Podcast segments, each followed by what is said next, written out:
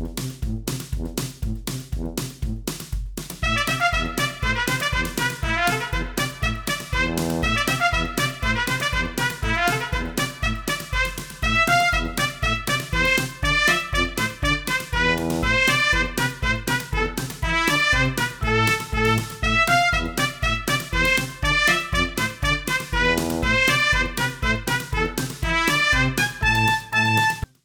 Sanna, vi ska börja en podd. Ja, som kommer att heta Silhuett och ideal. Vad ska den handla om? Vi ska ju utgå från våra yrken. Jag som kostymdesigner och du. Maskör och eh, perukmakare och Ja. maskdesign.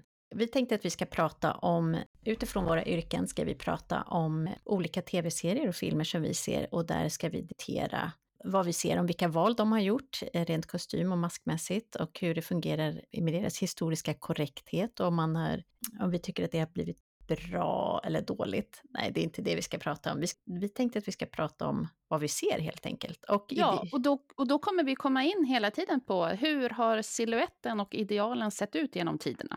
Och varför? Och, Och varför, har varför? det förändrats? Det är ju väldigt spännande, Och det är vi. ju för att vi är så... Jag är ju supernördig på dräkthistoria och du på frisyrhistoria. Ja, vi tycker det är väldigt intressant med hur man har en hygien och eh, i historien och hur man, har, hur man har gjort helt enkelt och vad man har tyckt varit snyggt och varför och hur man har sytt saker och hur man har satt upp sina hår och sådär. Hur hattarna och frisyrerna sitter ihop, allt det där.